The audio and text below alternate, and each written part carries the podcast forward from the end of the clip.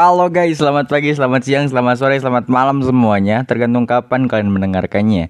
Kembali lagi dengan saya Muhammad Reza Ferdiansyah Di podcast Resi FRDH Di mana podcast ini akan membahas segala sesuatu hal yang ingin saya bahas tentunya. Nah, uh, di, berada di episode A, B, C, D, E, F, G, H, I, J, K, L, M, N, O, P, Q, R, S, T, U, V, V Oke okay episode V. Wah, lumayan menarik nih episode V. Aku mau ngebahas dikit-dikit uh, episode V ini tentang uh, aksen. Aksen bukan aksen Inggris, bukan aksen Indonesia, tapi aksen Sunda. Maksudnya apa?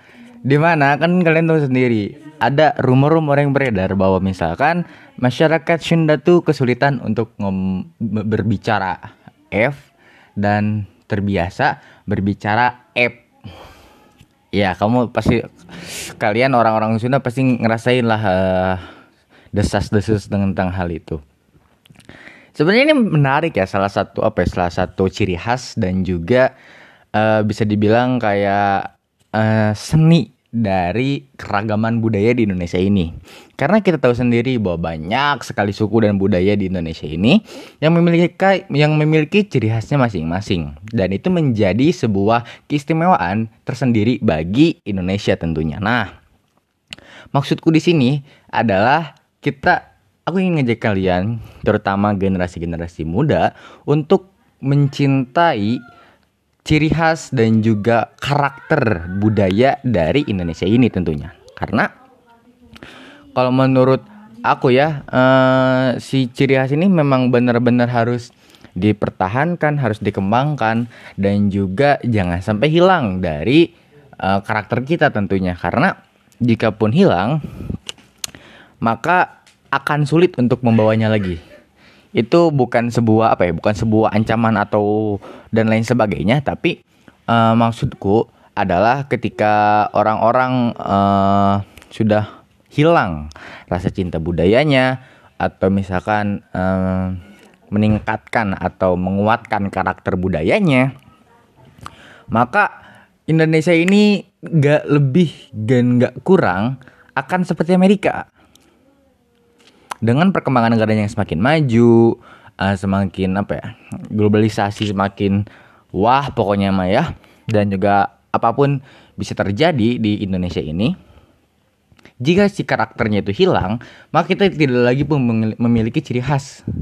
Keindahan alamnya pun sadar gak sadar lebih banyak keindahan alam buatan yang dibuat oleh manusia sendiri daripada keindahan alam yang alami sadar gak sadar terima gak terima itu sebuah fakta.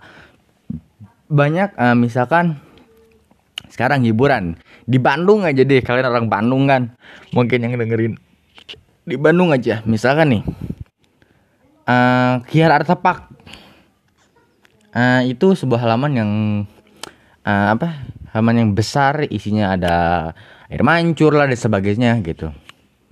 Dan juga golf bukan golf sih tapi ya bisa dibandingin lah. Kiara Tepak itu adalah uh, hiburan buatan tentunya. Karena ada air muncul buatan terus ada kayak halamannya dan lain sebagainya dan beberapa uh, aktivitas ataupun fasilitas yang ada itu buatan manusia gitu. Dan juga golf.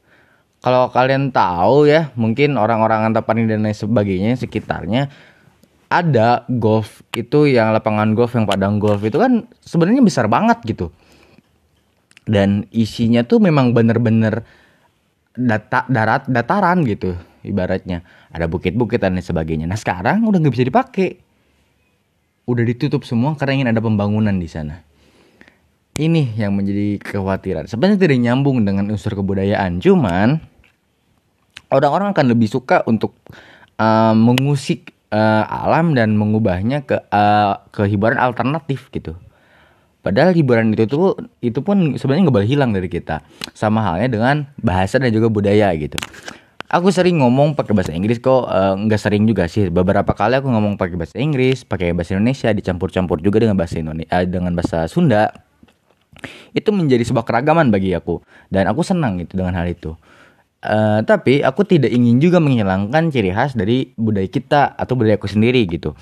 Misalkan aku kalau misalkan ngomong sama teman-teman tertentu dan memang kental uh, urut uh, urut uh, adat istiadatnya dan lain sebagainya, aku sering ngomong pakai bahasa Sunda.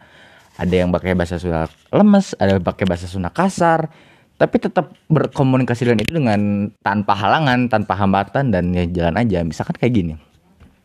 Uh, iya euy orang mereka dia. Iya euy orang mereka itu. Itu kan sebenarnya kata-kata yang sehari-hari. Cuman tetap aku lakukan untuk apa ibaratnya udah menjadi kebiasaan bagi aku gitu. Sama halnya dengan kayak ngomong misalkan ke, orang tua atau ke lain sebagainya itu lebih lemas gitu. Nah inilah yang sering mau sampaikan bahwa uh, ya kuatkanlah kultur budaya kita agar kita tidak mudah untuk termakan asimilasi. Karena di buku IPS aku lupa itu pelajaran apa asimilasi itu PKN kalau nggak salah. Ya kalau nggak salah itu. Asimilasi itu dampaknya banyak diberitakan tuh positif. Eh sorry negatif.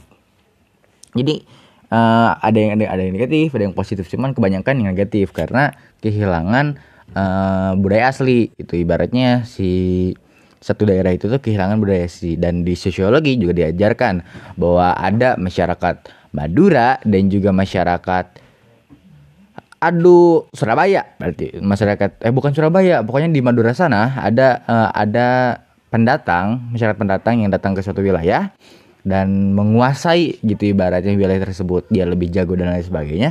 Dan itu akan terjadi determinasi sosial. Gitu. Eh determinasi. Diferensiasi. Diferensiasi sosial.